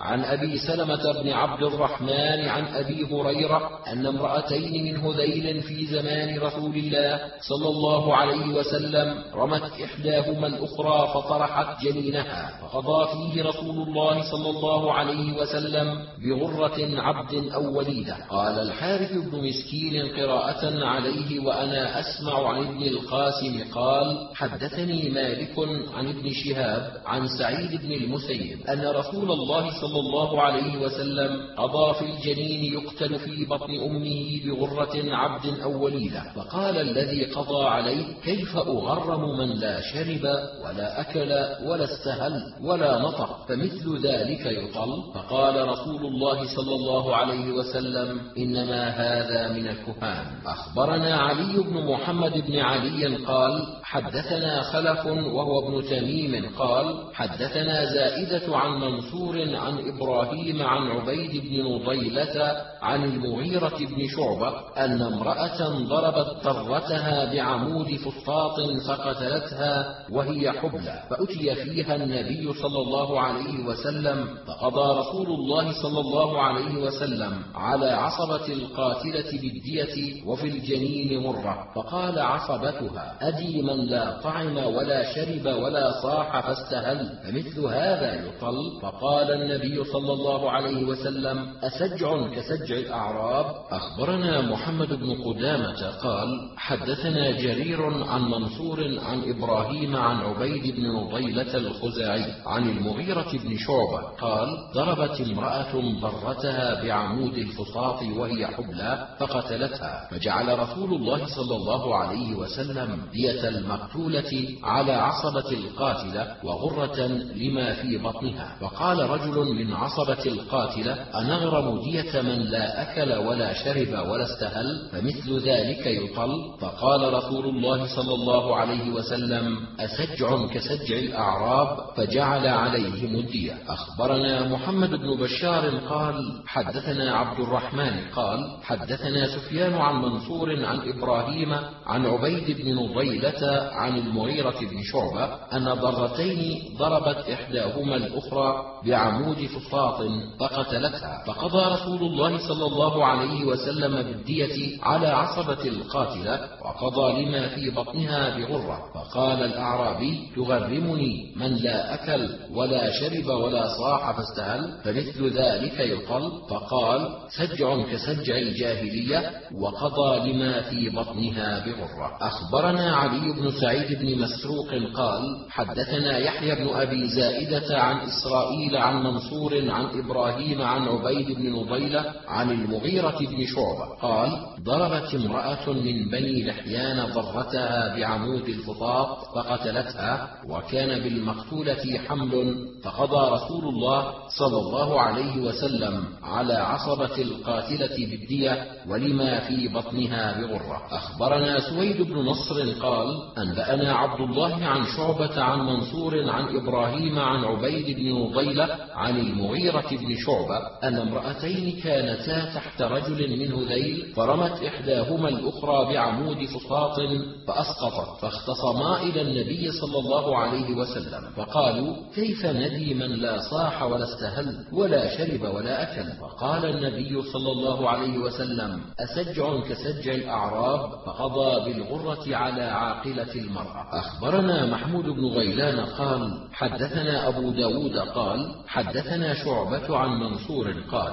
سمعت إبراهيم عن عبيد بن مضيلة عن المغيرة بن شعبة أن رجلا من هذيل كان له امرأتان فرمت إحداهما الأخرى بعمود الفصاط فأسقطت فقيل أرأيت من لا أكل ولا شرب ولا صاح فاستهل؟ فقال أسجع كسجع الأعراب؟ فقضى فيه رسول الله صلى الله عليه وسلم بغرة عبد أو أمة وجعلت على عاقلة المرأة أرسله الأعمش أخبرنا محمد بن رافع قال حدثنا مصعب قال حدثنا داود عن الأعمش عن إبراهيم قال ضربت امرأة ضرتها بحجر وهي حبلى فقتلتها فجعل رسول الله صلى الله عليه وسلم ما في بطنها غرة وجعل عقلها على عصبتها فقالوا نغرم من لا شرب ولا أكل ولا استهل فمثل ذلك يطل فقال أسجع كسجع الأعراب هو ما أقول لكم.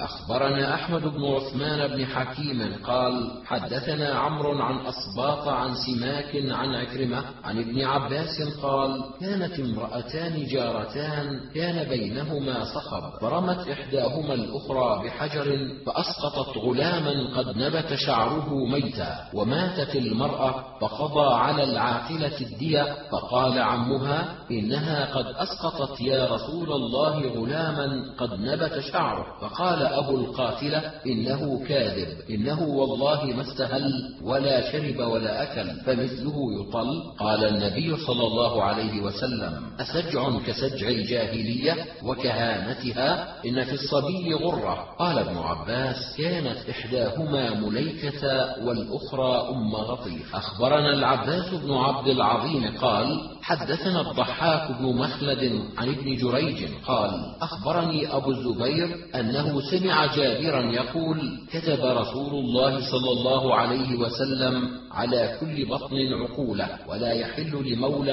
أن يتولى مسلما بغير إذنه. أخبرني عمرو بن عثمان ومحمد بن مصفى قالا حدثنا الوليد عن ابن جريج عن عمرو بن شعيب عن أبيه عن جده قال قال رسول الله صلى الله عليه وسلم من تطبب ولم يعلم منه طب قبل ذلك فهو ضامن أخبرني محمود بن خالد قال حدثنا الوليد عن ابن جريج عن عمرو بن شعيب عن أبيه عن جده مثله سواء. أخبرني هارون بن عبد الله قال حدثنا سفيان قال حدثني عبد الملك بن أبجر عن إياد بن لقيط عن أبي رمسة قال أتيت النبي صلى الله عليه وسلم مع أبي فقال من هذا معك؟ قال ابني. أشهد به. قال أما إنك لا تجني عليه ولا يجني عليك. أخبرنا محمود بن غيلان قال حدثنا بشر بن السري قال حدثنا سفيان عن أشعث عن الأسود بن هلال عن ثعلبة بن زهدم اليربوعي قال كان رسول الله صلى الله عليه وسلم يخطب في أناس من الأنصار فقالوا يا رسول الله هؤلاء بنو ثعلبة بن يربوع قتلوا فلانا في الجاهلية. فقال النبي صلى الله عليه وسلم وهتف بصوته ألا لا تجني نفس على الأخرى؟ أخبرنا أحمد بن سليمان قال حدثنا معاوية بن هشام عن سفيان عن أشعث بن أبي الشعثاء عن الأسود بن هلال عن ثعلبة بن زهدم قال انتهى قوم من بني ثعلبة إلى النبي صلى الله عليه وسلم وهو يخطب. فقال رجل يا رسول الله هؤلاء بنو ثعلبة بن يربوع قتلوا فلانا رجلا من أصحاب النبي صلى الله عليه وسلم. فقال النبي صلى الله عليه وسلم لا تجني نفس على أخرى. أخبرنا محمود بن غيلان قال حدثنا أبو داود قال أنبأنا شعبة عن أشعث بن أبي الشعثاء قال سمعت الأسود بن هلال يحدث عن رجل من بني ثعلبة بن يربوع أن ناسا من بني ثعلبة أتوا النبي صلى الله عليه وسلم. وقال رجل يا رسول الله هؤلاء بنو ثعلبة بن يربوع. قتلوا فلانا رجلا من أصحاب النبي صلى الله عليه وسلم. فقال النبي صلى الله عليه وسلم لا تجني نفس على أخرى. أخبرنا أبو داود قال حدثنا أبو عتاب قال حدثنا شعبة عن الأشعث بن سليم عن الأسود بن هلال وكان قد أدرك النبي صلى الله عليه وسلم عن رجل من بني ثعلبة بن يربوع أن ناسا من بني ثعلبة أصابوا رجلا من أصحاب النبي صلى الله عليه وسلم فقال رجل من أصحاب رسول الله صلى الله عليه وسلم يا رسول الله هؤلاء بنو ثعلبة قتلت فلانا. فقال رسول الله صلى الله عليه وسلم لا تجني نفس على أخرى. قال شعبة أي لا يؤخذ أحد بأحد والله تعالى أعلم. أخبرنا قتيبة قال حدثنا أبو عوانة عن الأشعث بن سليم عن أبيه عن رجل من بني ثعلبة بن يربوع قال أتيت النبي صلى الله عليه وسلم وهو يتكلم فقال رجل يا رسول الله هؤلاء بنو ثعلبة بن يربوع الذين أصابوا فلانا. فقال رسول الله صلى الله عليه وسلم لا يعني لا تجني نفس على نفس. أخبرنا هناد بن السري في حديثه عن أبي الأحوص عن أشعث عن أبيه عن رجل من بني يربوع قال أتينا رسول الله صلى الله عليه وسلم وهو يكلم الناس. فقام إليه ناس فقالوا يا رسول الله هؤلاء بنو فلان الذين قتلوا فلانا. فقال رسول الله صلى الله عليه وسلم لا تجني نفس على أخرى. أخبرنا يوسف بن عيسى قال أنبأنا الفضل بن موسى قال أنبأنا يزيد وهو ابن زياد بن أبي الجعد عن جامع بن شداد عن طارق المحاربي أن رجلا قال يا رسول الله هؤلاء بنو ثعلبة الذين قتلوا فلانا في الجاهلية فخذ لنا بثأرنا. فرفع يديه حتى رأيت بياض إبطيه وهو يقول لا تجني أم على ولد مرتين. أخبرنا أحمد بن إبراهيم بن محمد قال أنبأنا ابن عائد قال حدثنا الهيثم بن حميد قال أخبرني العلاء وهو ابن الحارث عن عمرو بن شعيب عن أبيه عن جده أن رسول الله صلى الله عليه وسلم قضى في العين العوراء السادة لمكانها إذا طمست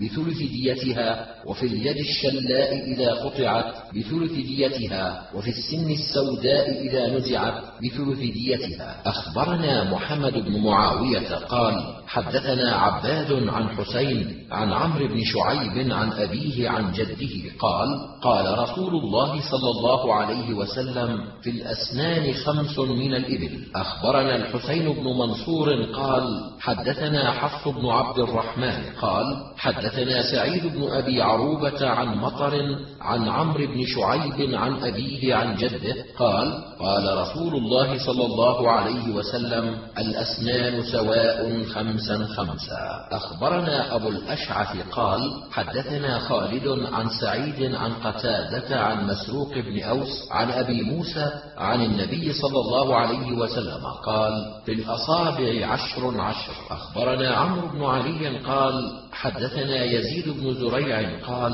حدثنا سعيد عن غالب النمار عن مسروق بن أوس عن أبي موسى الأشعري أن نبي الله صلى الله عليه وسلم قال الأصابع سواء عشرا أخبرنا الحسين بن منصور قال حدثنا حفص وهو ابن عبد الرحمن البلخي عن سعيد عن غالب النمار عن حميد بن هلال عن مسروق بن أوس عن أبي موسى قال قضى رسول الله صلى الله عليه وسلم أن الأصابع سواء عشرا عشرا من الإبل. أخبرنا الحسين بن منصور قال حدثنا عبد الله بن نمير قال حدثنا يحيى بن سعيد عن سعيد بن المسيب أنه لما وجد الكتاب الذي عند آل عمرو بن حزم الذي ذكروا أن رسول الله صلى الله عليه وسلم كتب لهم وجدوا فيه وفيما هنالك من الأصابع عشرا عشرا. أخبرنا عمرو بن علي قال حدثنا يحيى بن سعيد قال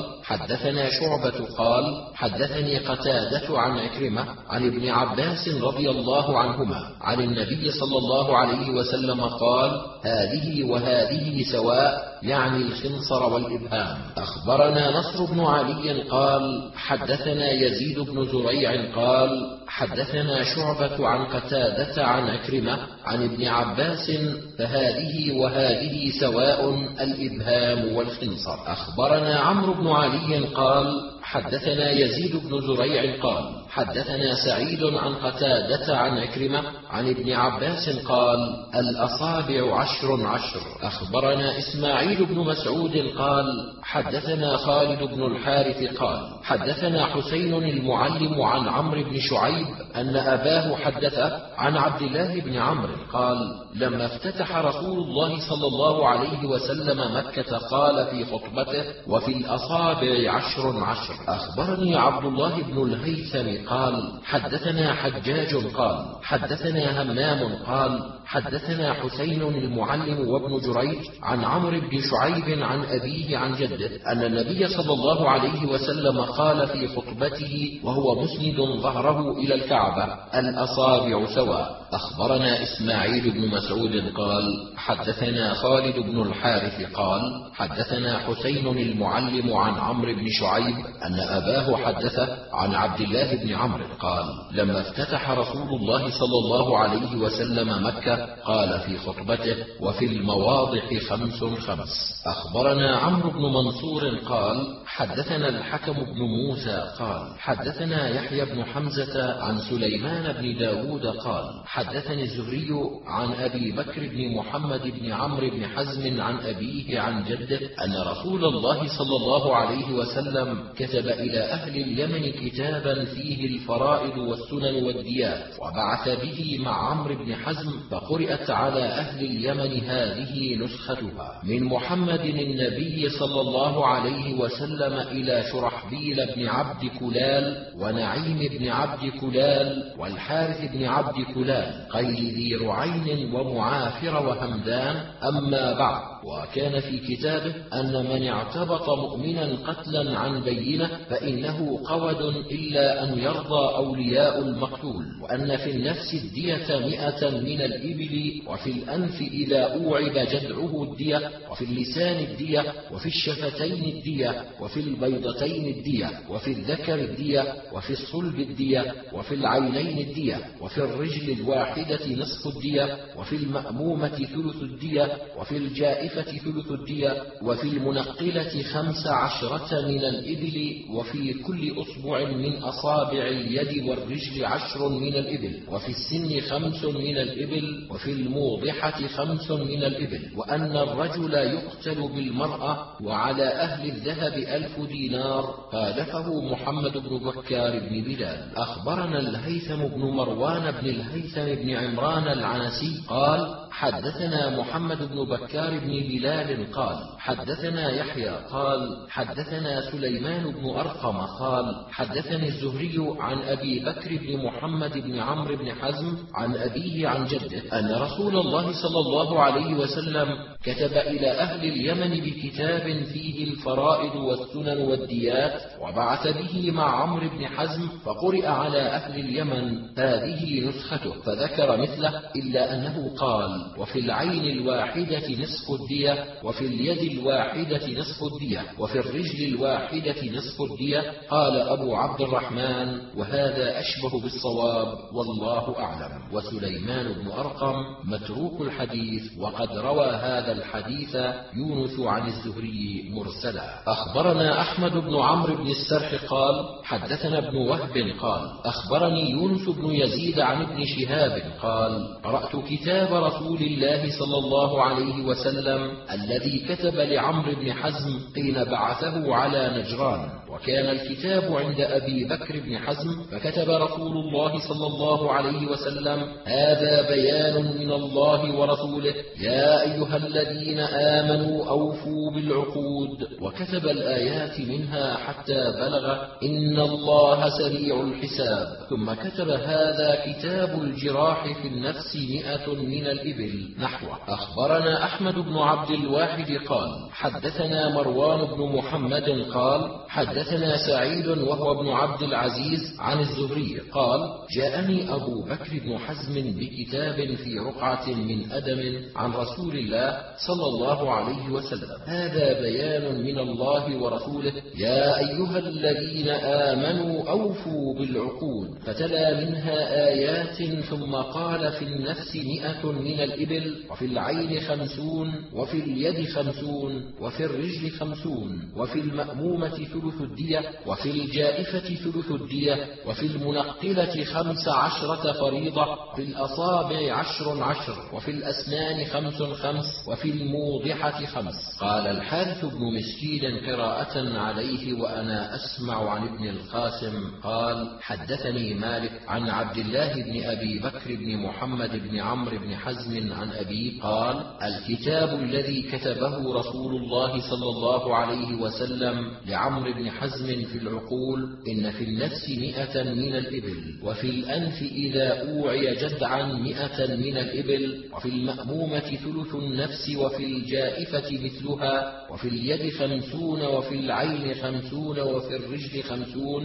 وفي كل إصبع مما هنالك عشر من الإبل وفي السن خمس وفي الموضحة خمس. أخبرنا عمرو بن منصور قال حدثنا مسلم بن إبراهيم قال حدثنا أبان قال حدثنا يحيى عن إسحاق بن عبد الله بن أبي طلحة عن أنس بن مالك أن أعرابيا أتى باب رسول الله صلى الله عليه وسلم فألقم عينه خصاصة الباب فبصر به النبي صلى الله عليه وسلم فتوخاه بحديدة أو عود ليفقأ عينه. فلما أن بصر انقمع فقال له النبي صلى الله عليه وسلم أما إنك لو ثبت لفقأت عينك أخبرنا قتيبة قال حدثنا الليث عن ابن شهاب أن سهل بن سعد الساعدي أخبره أن رجلا اطلع من جحر في باب رسول الله صلى الله عليه وسلم ومع رسول الله صلى الله عليه وسلم مدرى يحك بها رأسه. فلما رآه رسول الله صلى الله عليه وسلم قال لو علمت أنك تنظرني لطعنت به في عينك إنما جعل الإذن من أجل البصر. أخبرنا محمد بن المثنى قال حدثنا معاذ بن هشام قال حدثني أبي عن قتادة عن النضر بن أنس عن بشير بن نهيد عن أبي هريرة عن النبي صلى الله عليه وسلم قال من اطلع في بيت قوم بغير إذنهم ففقأوا عينه فلا دية له ولا قصاص. أخبرنا محمد بن منصور قال حدثنا سفيان عن أبي الزناد عن الأعرج عن أبي هريرة عن النبي صلى الله عليه وسلم قال لو أن امرأ اطلع عليك بغير إذن فخذفته ففقأت عينه ما كان عليك حرج. وقال مرة أخرى جناح. أخبرنا محمد بن مصعب قال حدثنا محمد بن المبارك قال حدثنا عبد العزيز بن محمد عن صفوان بن سليم عن عطاء بن يسار عن أبي سعيد الخدري أنه كان يصلي فإذا بابن لمروان يمر بين يديه فدرأه فلم يرجع فضربه فخرج الغلام يبكي حتى أتى مروان فأخبره فقال مروان لأبي سعيد لم ضربت ابن أخيك قال ما ضربته إنما ضربت الشيطان.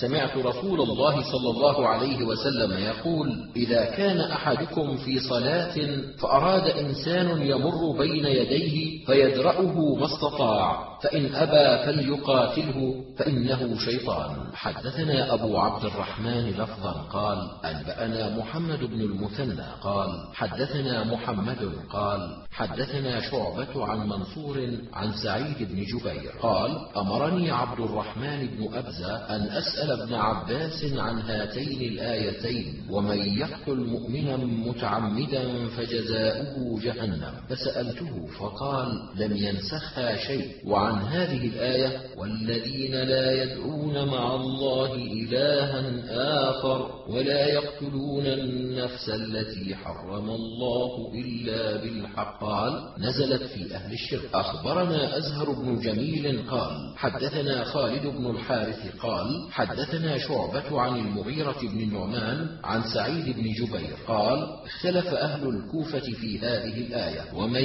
يقتل مؤمنا متعمدا؟ فرحلت إلى ابن عباس فسألته فقال نزلت في آخر ما أنزلت وما نسخها شيء. أخبرنا عمرو بن علي قال حدثنا يحيى قال حدثنا ابن جريج قال أخبرني القاسم بن أبي بزة عن سعيد بن جبير قال قلت لابن عباس هل لمن قتل مؤمنا متعمدا من توبة؟ قال لا وقرأت عليه الآية التي في الفرقان والذين لا يدعون مع الله إلها آخر ولا يقتلون النفس التي حرم الله إلا بالحق. قال هذه آية مكية نسختها آية مدنية ومن يقتل مؤمنا متعمدا فجزاؤه جهنم. أخبرنا قتيبة قال حدثنا سفيان عن عمار الدهني عن سالم بن أبي الجعد أن ابن عباس سئل عمن قتل مؤمنا متعمدا ثم تاب وآمن وعمل صالحا ثم اهتدى. فقال ابن عباس وأنى له التوبة. سمعت نبيكم صلى الله عليه وسلم يقول يجيء متعلقا بالقاتل تشخب أوداجه دما. يقول سل هذا فيما قتلني. ثم قال والله لقد أنزلها وما نسخها. أخبرنا إسحاق بن إبراهيم قال أنبأنا النضر بن شميل قال حدثنا شعبة عن عبيد الله بن أبي بكر قال سمعت أنسا يقول قال رسول الله صلى الله عليه وسلم وأخبرنا محمد بن عبد الأعلى قال حدثنا خالد قال حدثنا شعبة عن عبيد الله بن أبي بكر عن أنس عن النبي صلى الله عليه وسلم قال الكبائر الشرك بالله وعقوق الوالدين وقتل النفس وقول الزور. أخبرنا عبدة بن عبد الرحيم قال أنبأنا ابن شميل قال حدثنا شعبة قال أنبأنا فراس قال سمعت الشعبي عن عبد الله بن عمرو عن النبي صلى الله عليه وسلم قال الكبائر الإشراك بالله وعقوق الوالدين وقتل النفس واليمين الغموس. أخبرنا عبد الرحمن بن محمد بن سلام قال حدثنا إسحاق الأزرق عن الفضيل بن غزوان عن عكرمة عن ابن عباس قال قال رسول الله صلى الله عليه وسلم لا يزني العبد حين يزني وهو مؤمن ولا يشرب الخمر حين يشربها وهو مؤمن ولا يسرق وهو مؤمن ولا يقتل وهو مؤمن.